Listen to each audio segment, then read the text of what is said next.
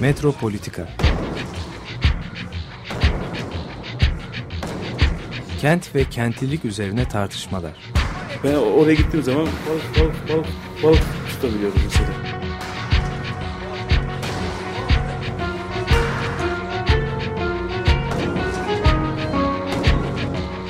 Hazırlayan ve sunanlar Aysim Türkmen ve Deniz Gündoğan İbrişim. Kolay kolay boşaltamadı. Yani elektrikçiler terk etmedi Perşembe Pazarı merkezini.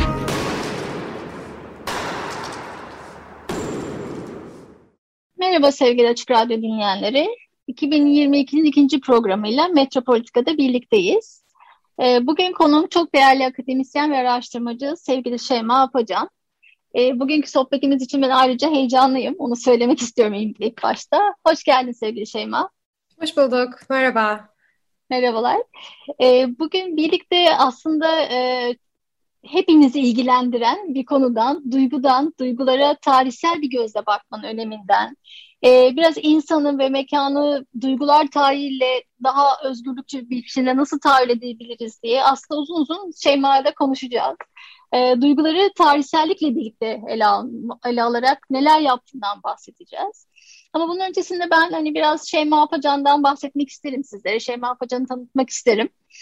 E, doktor öğretim üyesi Şeyma Apacan lisansını 2008 yılında Boğaziçi Üniversitesi Tarih Bölümünde, yüksek lisansını 2010 yılında Sabancı Üniversitesi Tarih Bölümünde tamamladı. Doktorasını 2010-2016 yılları arasında Oxford Üniversitesi Tarih Bölümü Tıp Tarihi Merkezi'nde yaptı. 2014 yılında Harvard Üniversitesi Orta Doğu Çalışmaları Merkezi'nde ziyaretçi araştırmacı olarak bulundu. Yine 2017-2018 yıllarında Max Planck Enstitüsü Duygular Tarihi Merkezi'nde doktora sorusu araştırmacısı olarak çalıştı. Aynı dönemde Free Üniversitesi Modern Orta Doğu ve Bilim ve Evrim derslerini verdi. Koç Üniversitesi, Boğaziçi Üniversitesi'nde yarı zamanlı duygular tarihi dersini verdi. E, şimdi de aslında e, Kırıkkale'de e, Üniversitesi Tarih Bölümünde e, doktor öğretim görevlisidir. E, ruh ve duygular hakkında Osmanlı bireyini modern psikolojiyle kavramsallaştırmak adlı çok önemli doktora tezinde meşrutiyet dönemi modern psikoloji söylem ve politikalarını incele, inceledi ve halen de 19. yüzyıl Osmanlısında modern psikoloji ve duygu politikaları üzerine çalışıyor. Eksik yedik bir yer bıraktıysam sen lütfen araya gir ve düzelt beni. Ee, şimdi aslında e, bu duyguları e, ve belki de senin gibi tarihçi gözünden duygulara bakmayı e, ya iyice giriş yapmadan önce ben birazcık aslında e, senin e, bu konuya nasıl çekildiğini, senin birikiminden, kıymetli çalışmalarından da yola çıkarak çok belki geniş bir soruyla başlamak isterim. Yani bir tarihçi olarak senin duyguya çeken esas şey neydi? Ee, ve burada da aslında uzun uzun hani doktora çalışmalarından, sonraki çalışmalarından da bahsedebilirsin. Hani dinleyenler ve bizler için e, çok çok aydınlatıcı olur diyerek çok geniş e, soruyla topu sana atmış olayım. Ee, çok teşekkürler. Ben öncelikle hakikaten çok teşekkür ederim davet için. Ee, biz, biz Deniz'le bir, yani ben iş, Deniz'in işlerini bilip zaten çok hevesle ve merakla takip ediyordum. O yüzden bu e, karşılaşma, bu e, şans çok keyifli oldu. E, biraz heyecanlandık. Ben tabii çok heyecanlandım. Şöyle, e, evet çok anladığımız, alışıldık anlamda işte Osmanlı e, modern psikoloji, alımlama süreci üzerine çalıştım. E, ve bayağı klasik anlamda aslında materyalizm, spiritüalizm diye e, daha 80'lerde 70'lerde çok tartışılan bir e, konuyu e, tekrar yeni yeniden ele almaya çalıştım ve orada makine metaforları e, üzerine ve fizyolojik belirleyicilik, bedensel belirleyicilik üzerine çalışırken buldum kendimi. Tabii psikoloji metinlerinde bizdeki eski anlayışa göre e, materyalizm, spiritüalizm birbirine karşıt bir şekilde gibi kurgulanıyor ve bunu daha ziyade tabii eski belki biraz 80'ler okumasıyla 90'larda e, da keza gene bunları İslam üzerinden çatışan e, şeyler e, gibi okuma eğilimi çok hakimdi Osmanlı tarihçiliğinde. Biraz bu bizi şeye götürecek moderniteyle gelenek ya da modern ve, ve İslam e, çatışması gibi klasik okumalarla okunan bir literatür var. Bu literatürde yani biz materyalistleri ve spiritüalistleri tanıyoruz. Bir kısmı İslam'a tamamen karşı, bir kısmı da tamamen İslamcı şeklinde ama ben baktığımda bunun çok da öyle olmadığını görmüştüm. Zaten hali hazırda bunu eleştiren bir literatür başlamıştı. Ve şeyi fark ettim. Hiç de bu kadar tanınan bilinen adamların hiç de çalışmadığımız, okuyup görmediğimiz bir dizi psikoloji kitabı olduğunu aslında fark ettim. Biraz ilgimi o çekmişti. Ve metinlere girdiğimde aslında e, tezde de iddia etmeye çalıştığım şey gene iki tane yani biri yayınlandı, biri yayınlanıyor. E, makalede anlatmaya çalıştığım şey burada sürekli İslam ve gelenek çatışması görüyoruz ama aslında bayağı e, üretkenlik tartışması var. E, yani insanı bu kendi zamanına e, daha uygun bir şekilde planlamak için aslında çok da zengin e, burjuva kökenli insanların hangi kanattan ya da dini görüşten vesaireden olsa bile bir araya gelip bir e, tanımlama anlatma dertleri var. Biraz bu buna girince e, ruh tartışması kendini e, garip bir şekilde 1908'ler gibi bir ana duygulara getirdi. Yani hisler üzerine tartışmaya başladılar. Ruhu tartışmasını biraz kenara bıraktılar ve ben baktım ki bu çalışma duygulara doğru dönüyor. Ve orada bir e, nedir bu? Nedir bu duygudan kastettikleri şey? Literatür daha ziyade orada his aslında. E, bu tartışmanın içine girdiğimde aslında çok Osmanlı entelektüel tarihi olarak gördüğümüz bir şeydi çok az bildiğimiz bir konu olduğunu gene keşfettim kendimce ve bunu nasıl öğrenebilirim, nerede öğrenebilirim?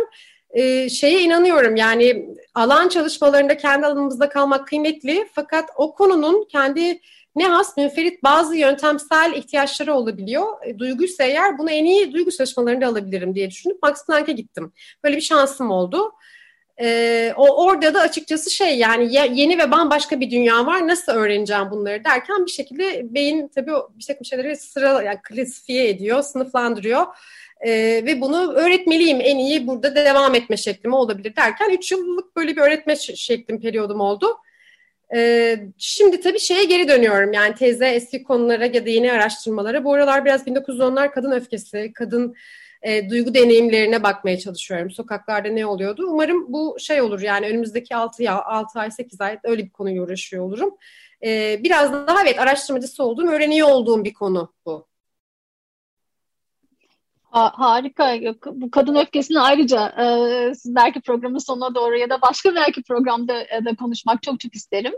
E, şeyi söyledin yani e, bu İslam ve gelenek sen gelen bir üretkenlik çalışmasından bahsettin orada ve aslında bütün bunların seni e, biraz daha hani ruh tartışması, ruhla, ruh tartışmasından gelen duygular, hislere doğru evrildiğini e, söyledin.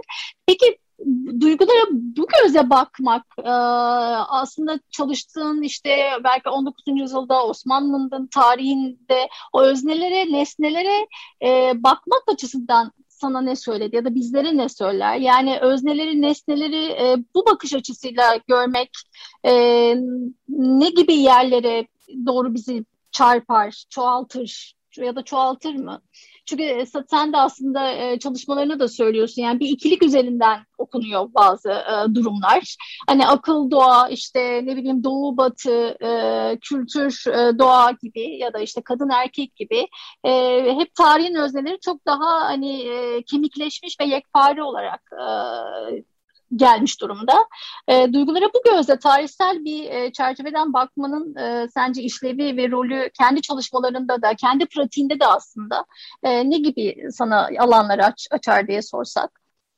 Ee, şey doğru ben de aslında belki oraya bağlarız diyormuştum çünkü e, evet konunun e, biraz Avrupa'da tartışıla geldiği haliyle duygular tarihinde ana e, mevzularından bir tanesi bu e, modernite gelenek vesaire çatışması gibi ya da işte zihin e, ve duygular, duygular ve işte e, akıl e, ya da işte psikolojik ya da fizyolojik belirleyicilik, ruhsal olanla fizyolojik olan arası, olan arası çatışma duygular tarihi literatürü e, ağırlıklı olarak yani son 20 yıl e, civarında e, bunu tamamen yıkan bir e, yeni bir söylem geliştiriyor ve duyguyu da bunun merkezine koyuyor. Yani ikiliklerle insanı ya da günlük hayat pratiklerini çok anlayamıyoruz. Şimdi bu biraz aslında e, belki 60-80 döneminde çok hakim olan işte bütün toplumları, bütün bir dünyayı e, ikiliklerle okuma hali belki tabii Weber'e kadar götüreceğimiz yani 1920'lere kadar götüreceğimiz ya da çok önceki aydınlanmaya kadar da izleklerini bulacağımız bir şey elbette ki bu. Bunu sarsan yıkan bir bakış açısı var.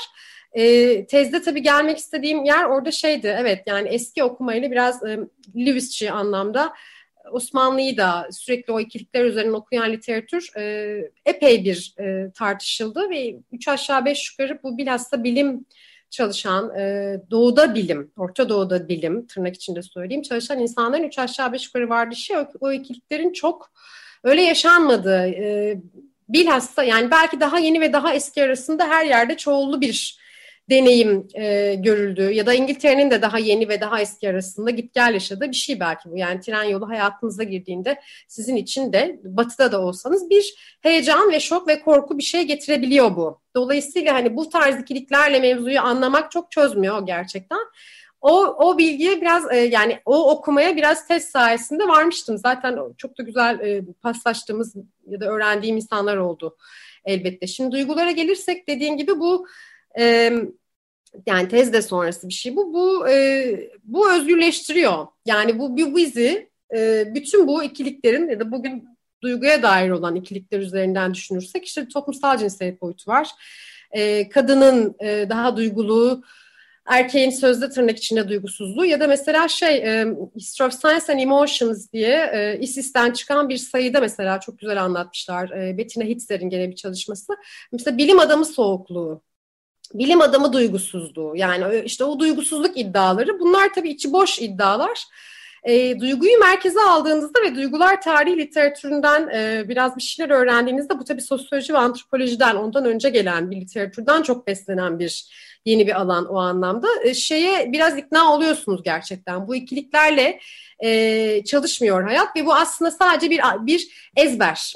Yani sorgulamadığımız, verili kabul ettiğimiz ama bütün hayatı e, örgütleyen, şekillendiren e, bir ezber bu. Şimdi bu ezberden bizi gerçekten e, çıkarıyor. Daha altta kalan, görece daha imtiyazsız olan e, grupların aleyhine işleyen bir sistemi yıkıyor aslında. Bu tabii tarihte de bunu görebiliyoruz. Her şeyden önce duyguya bu şekilde bakmak e, ya da duygunun tarihini öğrendiğiniz anda bir anda şeyi anlıyorsunuz. Duyguya dair olan bilginin e, verili olmadığını yani evet bugün psikoloji e, bize bir tanım elbette ki veriyor ama o tanım da tarihsel bir tanım. Hangi tanım hangi dönemde e, yazılmış çizilmiştir? Hele ki yani mesela 1900'lerin e, şimdi yeri gelince anlatırız çokça e, insanı bedene ve fizyolojiye indirgeyen fizyolojik belirleyicilik dediğimiz akımıyla beraber sürekli ikiliklerle anlatan o bilginin aslında gerçeği yansıtmadığını bugün zaten bilişsel psikologlar vesaire çok e, güzel bir şekilde psikoloji alanında da gösteriyor. Orada Bettina Itzer şey der, kısa 19. yüzyıl der. Hani e, uzun değil de aslında dünya tarihinde hep o psikosomatik olanın her ikisini de e, beden, ruh bir arada kabul ederken 19. yüzyılın daralmışlığıyla ikiliklere düşüverdik biz der. Açarız bunu daha sonra. Şimdi hepsini bir söyleyiverdim ama e, bundan özgürleştiriyor. Yani size duyguya, size duygularınıza dair, hislerinize dair e, kim ne ezberi tekrar ediyorsa e, tarih aracılığıyla aslında bunlardan gerçekten kurtulabiliyorsunuz. Çünkü başka formlarında olduğunu ve bunların çoğunun hemen hemen hepsinin bir tanım meselesi olduğunu, e, söylemden ibaret olduğunu vesaireyi anlamaya başlıyorsunuz. Evet aslında tam da senin dediğin yerde ben de onu, bunu sormak istiyorum. Yani duygunun yeni bir modern psikoloji kategorisi olarak 19. kullanıma girmesiyle beraber e, aslında e, tutku, heves, arzu gibi sen de bunu zaten çalışmalarında sen söylüyorsun. Öncülerin yerini aldığını e, tartışan hani yazılarımda e, duygu yeni bir kategori olarak e, ortaya çıkışında tam da bu özgürleştirici kısmına aslında vurgu yapılıyor sanırım değil mi? Yani e, duygu yeni bir modern belki hani psikolojik kategorisi olarak e, çıktığında e, ne oluyor? Yani çok şey bir soru soruyorum şu an böyle hani e, belki ucu bucağı hani e, gözükmeyen bir soru soruyorum ama e, gerçekten onun e, o öncülerin yerini aldığı e, yeni bir kategori olarak e, onu biraz bize açabilir misin? Ee, Tarihsellikle beraber. Şöyle şimdi yani dil dil üzerinden, etimoloji üzerinden, emotion üzeriyle ilgili bu literatür sanıyorum daha eskiye gidiyor. Ama psikoloji tarihinde Thomas Dixon'la beraber biraz e, 2000'lerde okuduğumuz, gördüğümüz bir şey. İngiliz e, psikoloji tarihine ve metinlere daha ziyade bakıyor. Amerikan e, psikoloji ekolüne William James'lere de bakıyor. E, ve Thomas Dixon şu anda Queen, e, Queen's Mary Üniversitesi'nde halen duygular tarihi çalışan önemli bir e, tarihçi fakat teoloji kökenli. Şimdi biz onun e, literatüre e, anlatış tarzından çok şey öğreniyoruz. Çünkü biraz da Hristiyan teoloji metinlerini iyi biliyor. Yani bunun bir sağladığı bir şey var aslında. E, tabii ki şeyle kelime sekülerizm tartışmalı bir kelime ama o da zaten bunu tartışıyor. E, ama bize bir e, şey bir anlatı sunuyor. Yani duygunun aslında bir seküler bir kategori olduğunu anlatıyor. Seküler bir modern psikoloji kategorisi. Psikoloji dediğimiz şey e, biraz da bu dönemde aslında bilimsel bir e, konum kazanıyor. Bunlar bir günde olmadı. Ezberden gene çok korkarak söylüyorum. E, ama şöyle yani felsefe ve daha dini düşünme biçimlerine yakın olan bizim psikolojik düşünme biçimi dediğimiz şey yani çoğul olan psychological thought diyeceğimiz olan şey. O her kültürde, her yerde hep var. E, tek değil o. E, bir sürü çeşidi var. Ama modern psikoloji e, bugünkü anladığımız anlamda seküler ve bilimsel bir nitelik kazanırken tabii söylemler tekilleşiyor. Burada bir süreç var. E, Dixon tabii burada en önemli şey sekülerleşme diyor ama bir günde olmadı haberiniz olsun diyor. Yüzyıl boyunca çok git gel yaşandı. Halen de dini ögeler mevcuttur. En azından yani günlük hayat içindeki popüler olan psikolojik düşünme biçimleri halen mevcut elbette ki. Fakat e, altını çizdiğimiz başka bir şey duygunun burada yeni bir kategori olarak ortaya çıkması. Yani şimdi bunun için ben bir metin okumak istiyorum diyen kimse olursa şeyi öneririz gerçekten. Dönüştürücü e, yani bu kadar keskin bir şey dönüşümü nasıl hissedeceğiz diyorsak biraz William James 1884 What is an emotion yani duygu nedir?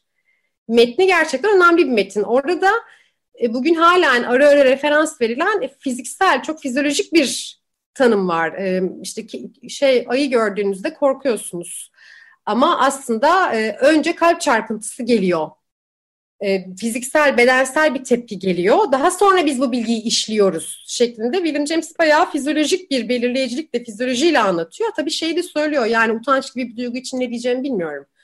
E, diyor orada bu çok çok sosyal bir duygu aslında bir şey diyemedim diyor ama hani ben daha daha temel duygular için konuşayım diyor. Şimdi burada tabii literatür temel duygular tarif ediyor. 1950'ler gibi de Ekman 50 sonrası Ekman daha o temel duygular üzerinden devam ettiriyor tartışmayı. 80'ler gibi de tabii antropologlarla ciddi bir e, şey var. Kızışıyor, kızışıyor bu tartışma elbette ki.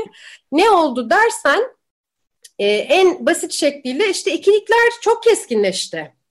Yani Dixon'ın da anlatmak istediği, Barbara Rosenwein'in de çok vurguladığı bu önceki düşünme biçimlerinde biraz Aristotelesçi modele de gidiyor, yaklaşıyor anladığım kadarıyla bunlar. Yani e, tutku, heves dediğiniz şeyler tamam mesela daha o hevesler ya da şehvet var şeylerde, dini diskurlarda biraz daha e, bir şey vurgusu görüyorsunuz. Bu sizi yanlışa düşürebilir diye ahlakçı bir vurgu görüyorsunuz elbette ama o tanım e, duyguyu ne olursa olsun rasyoneliteyle, düşünceyle, akılla çeliştiren bir pozisyona sokmuyor. Yani daha muğlak bir durum söz konusu, daha duruma göre değişen bir durum söz konusu. Yani sizi e, son derece akıllı davranmaya iten, rasyonel diyorum tırnak içerisinde, iten bir duygu şekli de var. E, çok dini ve ahlaki bir yerden düşünüyorsanız bile işte Allah sevgisi var, Tanrı sevgisi var vesaire. E, dolayısıyla duyguya dair yani o dönemki aslında heveslere, hislere dair olan e, bu bu bu e, onlara dair çok daha çeşitli bir yorum şekli var ve bugünkü anladığımız anlamda keskin ve tekil bir şey yok. Yani Ute Frewert'in söyledi 20. yüzyılda bütün o arzular, hevesler koca bir kelime haznesi ve hani 18. yüzyılda çok net keskin ayrılacak olan kelimeler 19. yüzyılın sonuna doğru bayağı tek bir kelimeye indirgendi ve bu tabii kısıtlıyor. E, ne oldu dersek de o ikilikler çok kök saldı çok keskinleşti. Aslında bizleri anlamaktan uzak bir noktaya savruldu muhtemelen terminoloji. Ama unutmamak lazım bu psikosomatik rahatsızlıklar konusu bilhassa ve psikolojinin bugün geldiği yer zaten o kadar tek yönlü bir tanımı reddediyor aslında. Büyük ölçekte yani çok bugün o kadar büyük polarize olmuş bir dünyadan bahsetmiyoruz ama e, biraz da bunun üretkenlikle ilgisi var. Bizim makine gibi düşünmeyle ilgisi var. Arka planı düşünmek lazım. Kapitalizmle ilgisi var. Endüstri devrimiyle bağlantılı. Mesela ben Osmanlı'da onu çok yani fabrika giriyor hayatlarını. Bizi de fabrika gibi görmek istiyorlar tabii ki. Yani e, dış etkenler ve teknolojiyle bir düşünmek lazım. Ne oldu dediğimizde evet yani bizi biraz daha e, bedene indirgeyen, e, biraz da heyecanlanmışlar elbette ki bu fizyolojik yani beyin fizyolojisini keşfediyor olmak ciddi bir heyecan gerçekten de.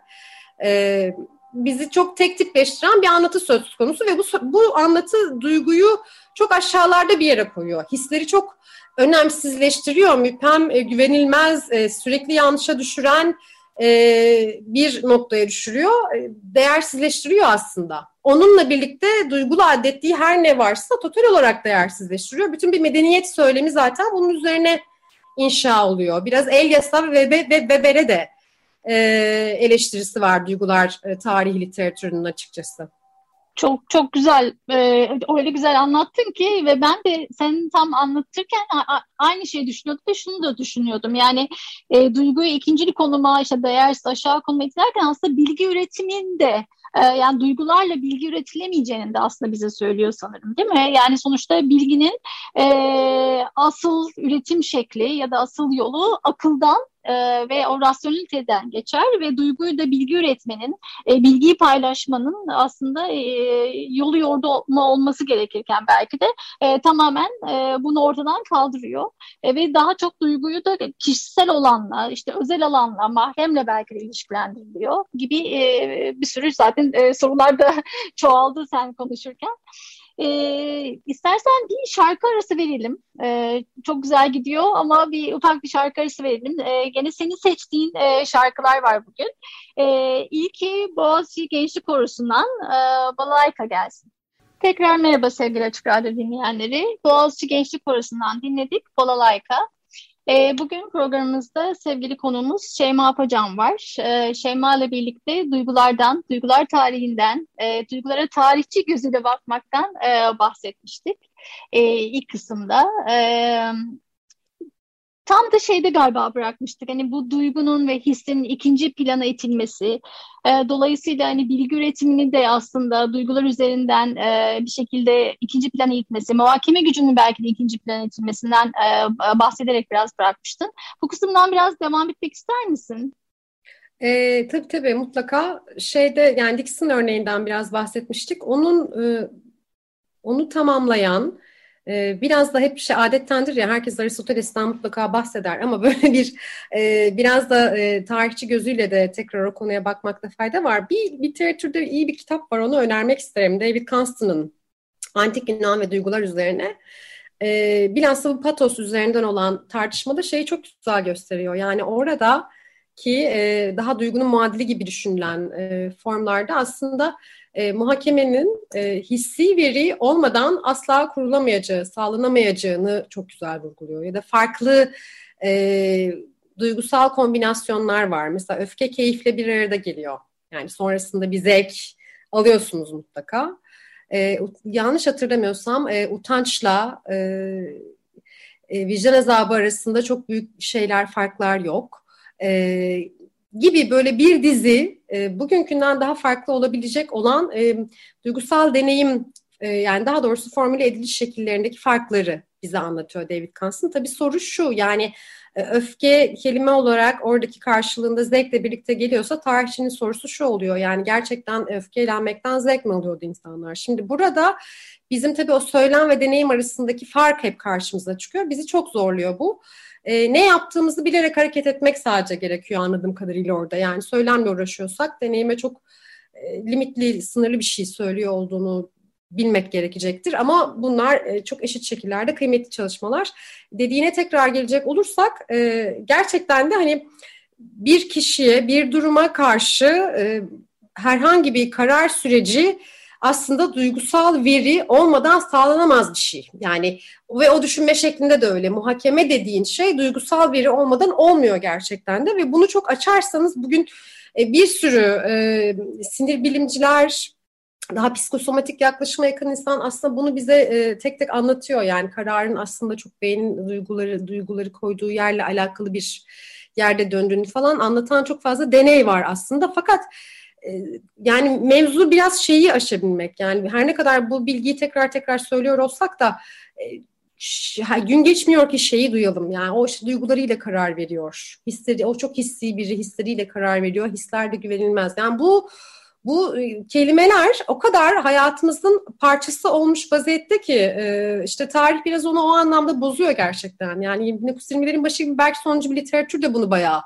bozdu aslında. Yani o hisle, sensle e, ve duyguyla e, bir arada bir devam etme, bilme e, şeyimiz var. Yani altıncı his formları her yerde bir sürü farklı şekillerde karşımıza çıkıyor falan ama e, mühim olan o e, evet muhakeme gerçekten e, yani David Kanson'ın gösterdiği gibi çok zihin ve duygunun bir arada çalıştığı bir örnek. E, işte mühim olan da biraz e, günlük hayattaki bu ezberleri, dile pelesenk olmuş şeyleri biraz e, sarsmak.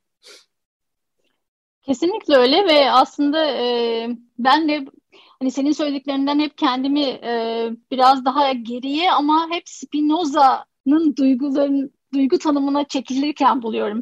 Tam da bu ikiliyi aşan, ikiliyi kıran, işte beden, zihin, akıl ve duygu arasında böyle bir hiyerarşiye yer vermeden, e, bu kategorilerin birbirine üstünlük sağlamadığı bir yerden aslında e, duyguyu e, kavramsallaştırıyor Spinoza ve hatırladığım kadarıyla da şunu söylüyor. Yani duygu derken diyor bedenin etki e, gücünü arttıran ve azalan e, ve bedenin farklı durumlarını e, dair etkilerden bahsediyorum diyor. Ve aslında hani beden ve zihin arasında da bir tamlık Tan da bahsediyor bu anlamda.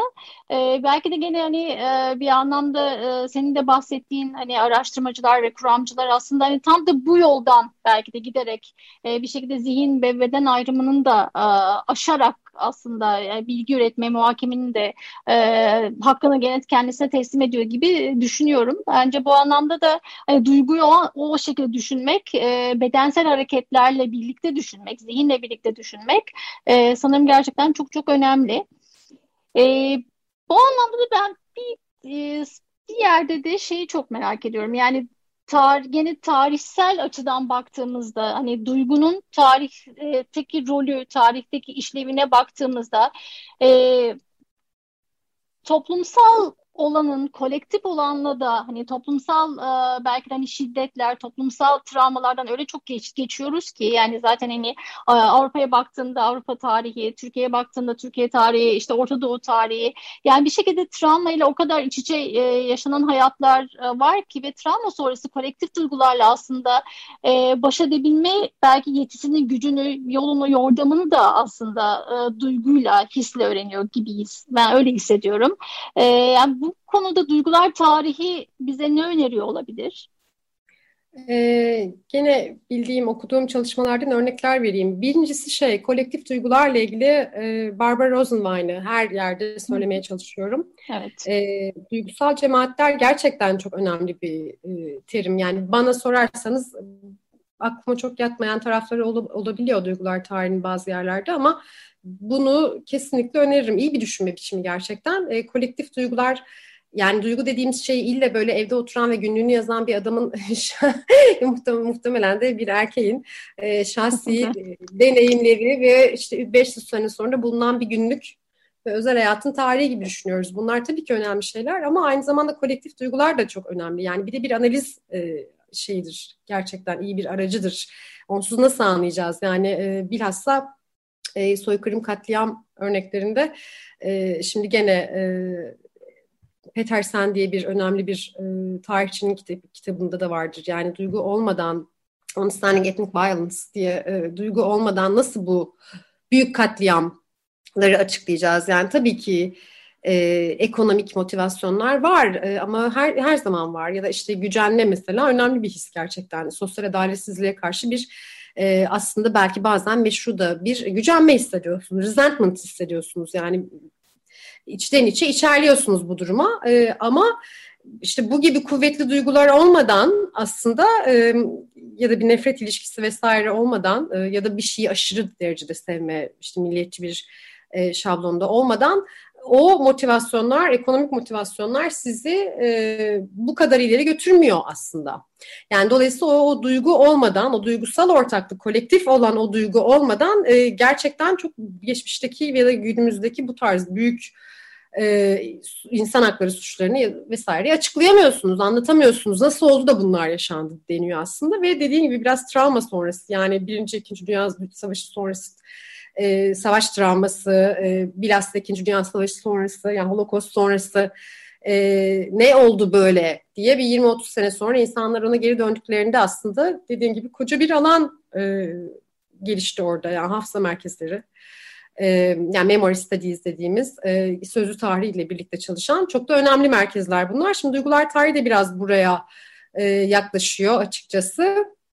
E, şimdi geçmişteki yani e, Rosenwein'e geri dönersek eğer yani geçmişteki e, olaylar ekseninde bu tarz olaylar nasıl analiz edilir ya da işte e, daha büyük düzlemde herhangi bir milletin herhangi bir duygusundan bahsedebiliyor muyuz? Yani orada sanıyorum en bizim elimizi kolaylaştıracak olan e, şeyi çerçeveyi daraltmak ve Barbara Rosenwein'in önerdiği anlamda cemaatlerle, duygusal cemaatlerle bakmak. Yani tarihçinin işi biraz orada kolaylaşıyor. Çünkü şeye düşmek çok olası. Herhangi bir, yani yöntem tartışması bu, herhangi bir beklentiyle ee, gene bu ikiliklerle yani doğu batı ikilikleriyle gene bir e, hiyerarşi, sosyal hiyerarşi ya da gelir dağılımı vesaire ya da ırk üzerinden herhangi bir ezberle yaklaşmak çok olası. Yani biraz Barbara Rosenwein şey yapıyor. Anderson'ın hayali cemaatlerine dönük olarak şeyi soruyor. Bir cemaatte tek bir cemaatten gerçi hayali olan o milli olan koca bir milleti tek bir cemaat olarak düşünebiliyor muyuz? Yani evet bu insanları bir araya getiren bir şey var elbette ki ama e, ben bu grupların içindeki çok katmanlı, birbirine giren çıkan küçük cemaatlere bakmak istiyorum diyor. Bu e, gerçekten anlamada daha yardımcı olacak bir kategori. kategori. Çünkü e, daha sınıfsal, daha arka plana dönük, daha bu insanları tanıyan ve şeyi daraltan, dolayısıyla derinlemesine analiz yapabilen, yani merceği daraltıp daha derinlemesine bakabilmemize sebep yardımcı olacak bir araç e, duygusal cemaatler bir terim olarak bunu öneriyorum. E, çünkü ürkeceğiz böyle büyük işte canım Almanlarda hep falan filan noktasına varacaksınız burada yani. Dolayısıyla bunlar riskli şeyler gerçekten. E, küçültmek gerekecektir. E, bir diğeri de e, orada biraz aslında senden de yardım isterim e, yas ve travma ile ilgili. Benim bu konudaki şeyim az aslında bilgim ama şuna geldi e, duygular tarihi literatürü. Rüssel'in bir çalışmasını öneririm. E, derste de okutmaya çalıştığım bir metin. Şunu tartışıyoruz aslında. Şimdi biz Ranke'den beri yani tarih yazıcılığı kendini 19. Ee, yüzyılın işte 1840'lar gibi daha doğrusu e, şeyle inşa etti. Biz tarihçiler ve bu kıymetli bir inşaydı gerçekten. Biz tarihçiler nesnel olmak istiyoruz. Yaptığımız işte duygusal bir mesafemiz olsun istiyoruz. Şimdi bu vaktiyle çok kıymetliydi çünkü şunu söylüyoruz aslında yani e, işte mesela milletiniz sizi sevsin diye anlatıyı e, çarpıtmak istemiyorsunuz. İşte yani dini hislerle gördüğünüz bir hissinize zıt, sizi üzecek olan bir metni, e, bir e, belgeyi yok saymak istemiyorsunuz değil mi? Belli bir iddianız var. E, bu çok kıymetli. Bu nesnellik. Bunsuz gerçekten hiçbir şey olmaz ama literatürün de geldiği yer bu yüzde yüz bunu yapabilmek de çok imkanlı değil. Yani o noktada kendi yazıp çizdiğiniz şeye biraz herhangi bir pozitif bilim, fizik metni gibi davranmıyorsunuz. Tarihçi olarak kendi rolünüzü de fark ediyorsunuz. Hatta bunu da biraz e, yazıp çiziyorsunuz. Anlatabildim mi? Yani e, burada bir şey bulmak gerekiyor. Uzun bir tartışma bu. Tarihçi biraz buralarda eğitim almalı. E, fakat Peki konu e, bu tarz büyük travmalar ve insan hakları, insan bütün bir insanlık tarihine ve insanlara karşı işlenmiş olan büyük bir katliam ve suç olduğunda ne yapacağız? Rüsten de şunu söylüyor yani bu kadar bilhassa insan hakları söz konusu olduğunda tabii ki nesnellik çok önemli fakat o metni sadece rakama indirmek, ölümleri sadece rakama indirmek, yaşanan büyük katliamı soğuk, e, kurak, e, kuru bir dille anlatmak yetecek mi? Yani biraz mikro tarihin de bizi yaklaştırdığı bir şey bu kısmen. E, anlatının da bizi yaklaştırdığı bir şey bu. Kameranın nasıl ki işte en tepeden bütün bir e, köye, şehre bakarken evin içine girdiğinizde nasıl derinleşirse biraz derinleşip biraz da oradaki duyguyla gerçekten empati kurarak e, yani o, o evin içinde gezen pijamalı kadını tanıyarak bunu tanımak için de o kadının duygusunu hissetmeniz gerekiyor. Ee, böyle bir anlatı tercihi var bir süredir ve bu yani açıkça bunu ortaya koyuyorsanız eğer e, bunda dürüst ve titiz davranıyorsanız eğer bu kabul edilebilir bir şey. Rüsen de bunu anlatıyor. Şimdi bilhassa travma söz konusu olduğunda, travma sonrası duygularla bir tarihçi uğraştığında bunun duygusal bir de, yol, bu bu deneyim duygusal bir deneyimden geçiyor. Bu tartışma, bunu yazma şekli duygusal bir deneyimden geçiyor daha doğrusu. Ve bunu okuyan kişi de duygusal bir deneyimden geçiyor. Bilhassa da bu psikanalitik travma teorisini uygularsak eğer yaz tutmadan nasıl ki iyileşmiyorsak diyorlar. E, gerçek bir duygusal yüzleşme yaşanmadan da iyileşilmiyor. Yani e, bunu belki şey diye de ifade etmek lazım ki aslında bunu derinlemesine sana sorayım açıkçası. Ben tabii e, daha şeyle daha uzak bir yerden baktığımda belki biraz şey gibi de geliyor. E, yas ve acı sizi elbette iyileştiriyor öte yandan da şey de kendinizde karşı toplumsal belleğe karşı, geçmişe karşı daha realist, daha gerçekçi bir resminiz de oluyor sanıyorum.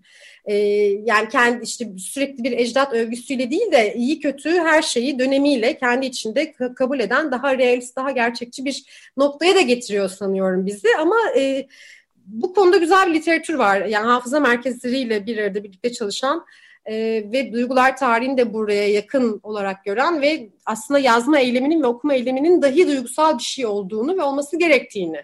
Burada bu nesnellik obsesyonumuzdan biraz çekilip biraz daha duygu alanına kaymamız gerektiğini söyleyen e, bilhassa böyle konular için e, güzel bir literatür var. Ama e, daha eklenecek çok şey vardır. Onları sen eklersin diye çok, çok çok güzel ya, ya anlatıyorsun. Ben hiç kesmek bile istemiyorum seni. Aslında söylediğin şeyler o kadar e, ha, haklı ki yani özellikle travma sonrası işte yani e, büyük bir katliam, işte soykırım e, ve geçmişte hesaplaşma, e, geçmişe dönme ve travma sonrası o yaşanan e, stres sendromunda genelde hani travma teorileri ki ben hani biraz daha e, kültürel ve edebi travma teorilerinden bahsediyorum. Medikal e, kısmından veya işte konuşma terapisinden e, çok bahsedemeyeceğim ama daha çok kültürel kısımda, temsil kısmında e, de, duyguların hep ikinci planda olduğu e, ama e, daha çok zihinsel süreçlerle yani akılla biz bunu e, zihinsel süreçlerle bununla baş edilebileceği e, özellikle 1990'larda e, Holocaust e, yaşandıktan sonra Amerika'da çıkan e, kültürel travma çalışmalarında bunun daha çok zihinsel süreç lerinden çok çok bahsedilmiştir. İşte Yale Üniversitesi'ndeki e, araştırmacılar ve akademisyenler işte Katie Carrot, Shoshana Perlman, Dory Love gibi e, o dönemin e, kurucuları, travma teorisini e, kültürel çalışmalarda kurucuları e, biraz daha o duyguyu ve aslında duygulanım dediğimiz hani biraz daha efekt olarak çevireceğim şeyi e, iyileşme modelinde e, bedensel olarak da çok daha ikinci plana gitmiştir ve daha çok Freud'un e, travma temsili, Freud'un yaz kuramı yani konuşma terapisini illa e, o um, travmanın yaşandığı ana dönerek ve oradaki işte çözülemeyen gerilimi e, illa terapiyle, konuşmayla e, bir şekilde iyileştirerek ve bireyi de travmatize olmuş bireyi de tekrar topluma kazandırmakta aslında mesele.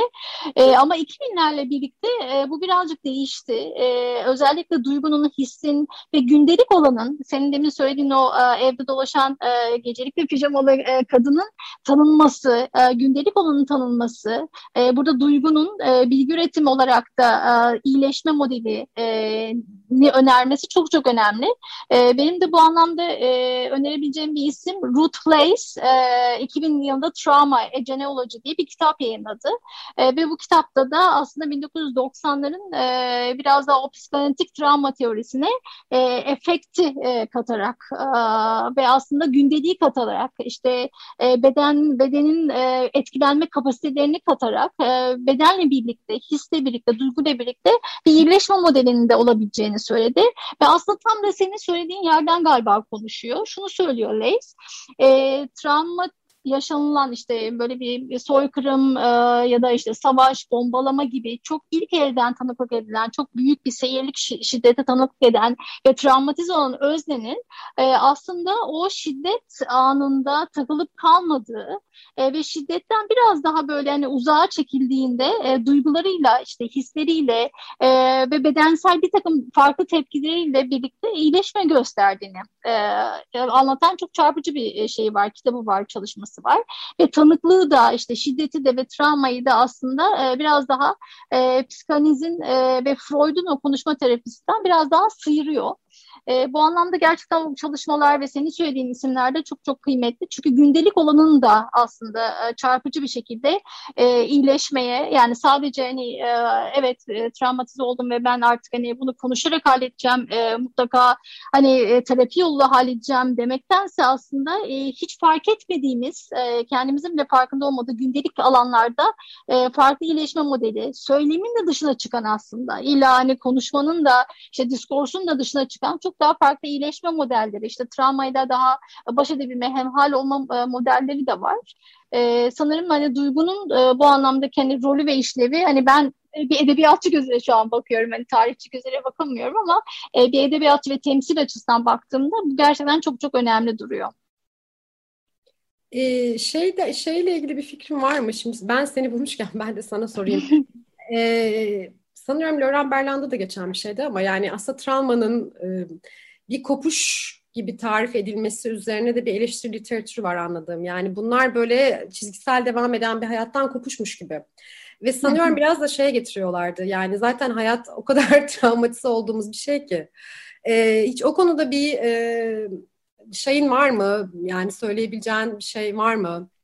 Ya, ee, düşündürüyor gerçekten. Çünkü sadece şimdi İkinci Dünya Savaşı, Birinci Dünya Savaşı deyince yani ya da Holocaust gibi büyük deneyimler deyince evet insan e, bir sürü insan böyle deneyimlerden eğer şanslılarsa olmuyorum geçmiyorlar ama e, travmatize oluyoruz. Yani dolayısıyla bu bir kopuş mu acaba? Hani biz bu kadar korunaklı bireyler miyiz bugün? O da bir ayrı bir tartışma konusu tabii. Hani e, işte orada yani sürekli olarak o duygulanımla ya da duyguyla e, biraz o kendini iyileştirmeye dönük olan e, literatürün yani ben şu an tamamen tarih dışına çıkmış vaziyetteyim ama onun iyileştirici tarafı da insanı düşündürüyor gerçekten ya da bu kadar bunlardan korunan bir yerlerde değiliz gerçekten e, herhalde. Bence de öyle çünkü şöyle bir şey var. Laura Merlin aslında bunu bunu e, hem Cruel Optimizm'de galiba ve diğer çalışmalarında da bahsediyor.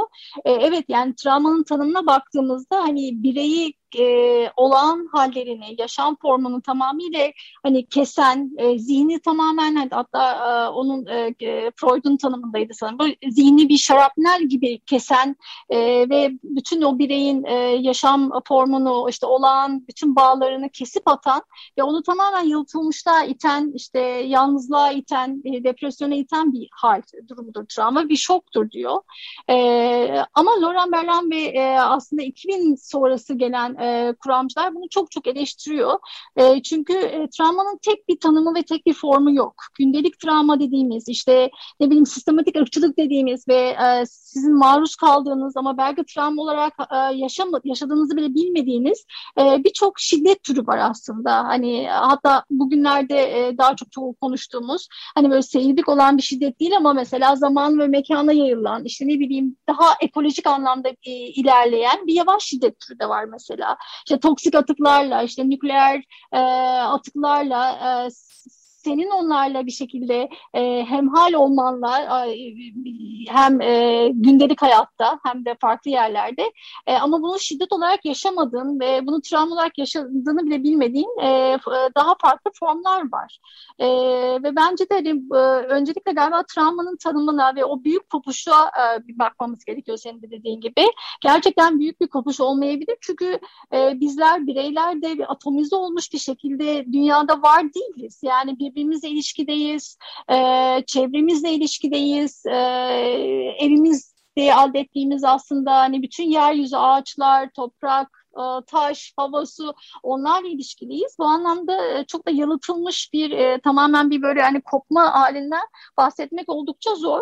E, işte tam da e, 90'larda çıkan bu travma aslında e, teorisine e, ya, ya da travma temsiline, iyileşme modellerine e, biraz daha karşı çıkan 2000'ler sonrasında benim gördüğüm çalışmalar çok var.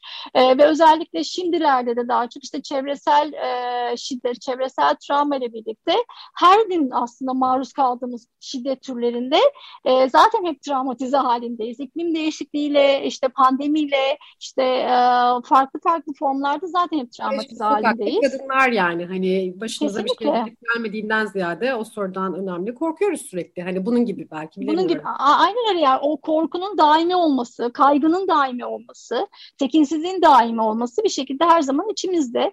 E, ve bunu aslında hani belki de senin dediğin gibi büyük bir kopuş olarak değil Aksine ben hep tam ters e, yerden okumayı seviyorum bunu. E, kopuş değil aslında daha e, farklı bir biçimde e, nasıl diyelim e, hayata olumlayan biçimde, hayata katılan biçimde yaşamaya çalışmak aslında. Yani bir hani survival mode aslında e, belki de bu. O yüzden e, hani duygunun his, e, bir şekilde bu literatüre, e, bu temsile girmesi e, son derece önemli. Çünkü gene e, ilk galiba konuştuğumuz yere dönüyoruz. Yani o zihin beden ayrımının olmaması gerektiği yerine dönüyoruz gibi hissediyorum. Tabii tabii tabii kesinlikle. Yani işte tarih yazıcılığında da biraz e, şeye getirmeleri önemli. Hani eskiden çok uzun bir süre bu ne kadar e, rakam ve sadece somut elle tutulur e, şey üzerine çalışıyorsanız o kadar gerçeğe yakınsınız gibi bir algı vardı. Öyle değil. Yani hani çünkü günlük hayat öyle bir şey değil. Gerçek öyle bir şey değil. Yani her e, rakamın bile bir e, duygusu var. İşte şey en başında geldiğimiz o bilim yapan adamın duygusuzluğu bilim, bilim insanı duygusuzluğu diye ve bu bilim adamı aslında örnekleri daha ziyade. Hani bunlar bugün bayağı karikatür örnekler tarih yazıcılığında. Ee, yani çünkü şey e, o, o denli hissetmeme iddiası zaten çok duygulu bir iddia. Gene Bettina Hitzler'in e, makalesini öneririm. Bilim tarihi tartışması ve toplumsal cinsiyet perspektifinden bilim tarihine bakıyorlar. E, tabii oradaki o duyguyu değersizleştirme hali e, tarih yazıcılığı epey buna e, bunu sarstı. Yani önce işte politik olanı sosyal ve kültürel tarihle değiştirerek e, yani bunların da önemli olduğunu anlatmaya çalışarak sonra işte özel hayatın, cinselliğin tarihi, bireyin tarihine gelerek ve bir sonraki adımda da artık duyguların tarihine gelerek çünkü ya işte Febrin önemli bir sorusu var. E, yani 1941'ler gibi Anna aslında önemli tarihçilerinden bir tanesi. 1941'ler gibi çok e, psikoloji ve tarih arasında nasıl köprü kurabiliriz diye düşünüyor. Duygular tarihinde de yani sensibilite üzerinden, hassasiyet üzerinden okuduğu şeyi nasıl çalışır sorusunu çok soruyor. 80'ler bir, bir iki böyle güzel gene Anna aşk ölüm çalışması var. Sonra da işte ona eklenmeden bu son 20 yılın biraz duygular tarihi çalışmaları. E, tabii şeyi sorguluyorlar yani biz e, insan hayatının o kadar büyük bir kısmı duygulu bir şey ki bunun hakkında hiçbir fikrimiz olmadığında dönemleri anlayamıyoruz. Yani bu bir anlama meselesi aslında. Her şeyden evvel. Yani siz duyguya bakmadığınız zaman o dönemi anlayamıyorsunuz. İşte hep söylediğimiz örnek yani e, Napolyon'un öfkesi dediğimiz şeyin şeyde öfkenin anlamı ne acaba bilmiyoruz yani çünkü dönemsel değişimler var e, ve tarihçi tabii bilhassa e, baktığı yeri inanılmaz şekilde daraltması gerekiyor ki ve daraltmaya çalışıyor ki bizi o genellemelerin genellemelerden uzaklaştırsın. Zaten işin e, keyfi ve biraz zanaati e, o dar mercekle alakalı bir şey ve orada aslında şunu algılamaya başlıyorsunuz. Yani günlük deneyim dışla, zaman zamanla, e, arka planla, ekonomi politikle, zamanın ruhuyla çok bağlantılı. E, dolayısıyla duygu dediğin şey stabil değil. Yani bugünkü hissettiğin şeyle, şeyle e, farklı bir şey söz konusu geçmişte. Dolayısıyla sen e, sadece rakam ve istatistikle ilgileniyorsan ya da elle tutulur materyal şeyin tarihi, materyal tarihle ilgileniyorsan bunlar çok önemli elbette ama hayatın çok büyük bir kısmını geçmişe dair bilmiyorsun demektir. Yani anlamıyorsun, anlamıyorsun en temel şekilde demek demektir. Hani e, biraz işte muhakeme ve anlama da aslında o duygudaşlık, o duyguya yaklaşma, geçmişin duygusuna yaklaşma ve biraz da onu hissedebilme aslında e, gerektirir. Senin de orada başta söylediğin gibi. Dolayısıyla e, bu bunlar duygular tarihinin zeminini oluşturuyor bu gibi düşünce biçimleri. E, zor bir iş ama bunlara bakmadan, buralara dokunmadan anlamayacağız biz e, diyoruz. Tabii bir diğer ayağı da yani daha insan hakları ve sosyal bilim kaygıları minvalinde tabii ki iyileşemeyeceksiniz. Kendinizi toplum olarak tanıyamayacaksınız, iyileştiremeyeceksiniz e, gibi e, çok önemli yakıcı problemler. Kesinlikle öyle. Hem bireyi dönüştüren hem sosyal bilimi dönüştüren, metodoloji de dönüştüren bir e, aslında çok de, senin dediğin gibi özgürleştirici bir yanı var. Demin sen söylerken e, bu hani sadece soğuk, katı, rakamsal e, bir yerden hani bakmamayı önerirken aslında aklıma şey geldi yani son iki senedir pandemide yaşadığımız hani kayıpların e, hikayeleri geldi. insanların hikayeleri. Yani galiba bir şey vardı. Şimdi yanlış hatırlıyor olabilirim ama e, hani pandemi bir rakam değildir mi? Öyle bir şey vardı sanki. Ee, ilk zamanlarda konuştuğumuz ve artık yani bir şekilde kaybettiklerimizin, canlı cansız kaybettiklerimizin hikayelerini e, arar olduk. E, geçmişlerine bakmak istedik, onları öğrenmek istedik. Çünkü hani kaybedilen e, bir yaşam formu ister insan olsun, ister e, farklı e, insan e, değil başka bir canlı türü olsun. E, onun geçmişi, yaşadıkları, e, deneyimledikleri, tecrübe ettikleri hayatı da öğrenmek istiyoruz. Çünkü yani senin söylediğin tam da bu aslında. Yani sen, e, o kayıplar, tutulan yaslar ya da tutulamayan yaslar e, kesinlikle soğuk, e, sadece bir hani maddi olarak böyle hani gö göz, görebileceğimiz bir şey değiller. Bu anlamda duyguların e, tarihi ve duyguların politikası aslında e, dönüştürücülüğe gerçekten çok çok önemli e, bir yerde duruyor diye düşünüyorum. Aslında çok devam etmek istiyorum ben. Ee, gerçekten çok keyifli gidiyor e, Şeyma. Daha benim bir sürü kafamda sorular açtı senin söylediğin şeylerde, e, anlattıklarında. Ama zamanımız yavaştan dolmak üzere ve ben böyle senin seçtiğin ikinci parçada çok çalmak istiyorum. Ee, söyleyeceğin e, son bir şey olur mu? E, parçamızı çalıp e, maalesef bugünkü programı bitireceğiz ama e, eklemek istediğim e, başka bir şey olabilir mi? Yani belki en son şeyi söyleyeyim. Hani niye bunu ben de konuşurken buluyorum kendimi? Hepimiz biz biraz da böyle e, belki toplumsal cinsiyet kaygılarıyla da yani hani sosyal bilimci kadınlar vesaire ve bir sürü arkadaşımız bir sürü insan elbette ki bununla sınırlı değil de işte şeyi önemsiyoruz yani. Hani size e, dayatılan herhangi bir e, duyguya dair herhangi bir keskin e, şeye karşı yani nereden biliyoruz bunu sorusunu sorabilme refleksi göstermek gerekiyor. Yani eğer orada data yoksa, elde bir e, veri yoksa geriye dönük olarak ona yani mesela bir öğrenci e, ya, ya da ben de kendim bir öğrenci olarak göreyim. İlk öğrenmesini isteyeceğim şey kesinlikle o olur e, hepimizin açıkçası. O refleksi geliştirdiğimiz bir şey olsun. Bilhassa tarih ve geçmiş söz konusu olduğunda tekrar tekrar dönüp bakmak gerekiyor. Bu çokça ezber alanı ona yani çokça ezberin döndüğü bir alan. Ona karşı bir e, gerçekten nereden biliyoruz? Hakikaten biliyor muyuz? Ve bilmediğimiz şey hakkında da susmayı belki de hani e, öğrenerek e, daha iyi bir noktaya geliriz. E, bu, bu alanı kıymetli yapan şeylerden bir tanesi bu. Umarım bu refleksimiz biraz daha artar diye umuyorum. E, çok teşekkür ederim bu fırsatı bana verdiğin için. Hakikaten çok keyifli bir sohbetti. E, şimdi şarkıyı keyifle dinleyeceğim ben de. Ben, ben de çok çok teşekkür ederim. Umarım bir kere daha seni ağırlama şansı e, olur ve yani başka çalışmalarından bu kadın öfkesi benim şu an aklımda kaldı hala. Hani e, toplumsal cinsiyet ve duygular mesela bu gerçekten büyük bir konu aslında. Hani burada e, çok konuşamadık ama belki e, duygulara toplumsal cinsiyet çerçevesinden bakmanın öneminden de belki ayrı bir programda e, bahsedebiliriz. Çok e, çok çok keyifli olur. Tam da demin söylediği şey aslında kuşku galiba. Ben yani o kuşkuyu düşürmek. E, bunu ben de çok çok önemsiyorum. E, o zaman şimdi e, gene e, senin seçtiğin e, Zulal'den Bayı Vaveler gelsin. Ve öyle bitirelim. E, tekrar çok teşekkürler. E, Bugünlük bu kadar ee, sevgili konuklar. Ee, konumuz Şeyma Afacan'dı. Haftaya görüşmek üzere. İyi haftalar.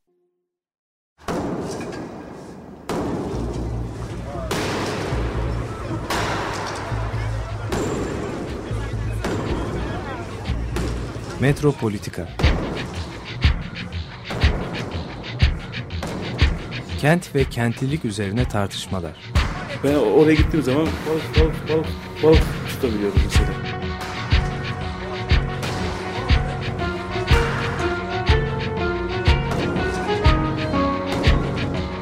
Hazırlayan ve sunanlar Aysim Türkmen ve Deniz Gündoğan İbrişim. Kolay kolay boşaltamadı. Elektrikçiler terk etmedi Perşembe Pazarı merkezini.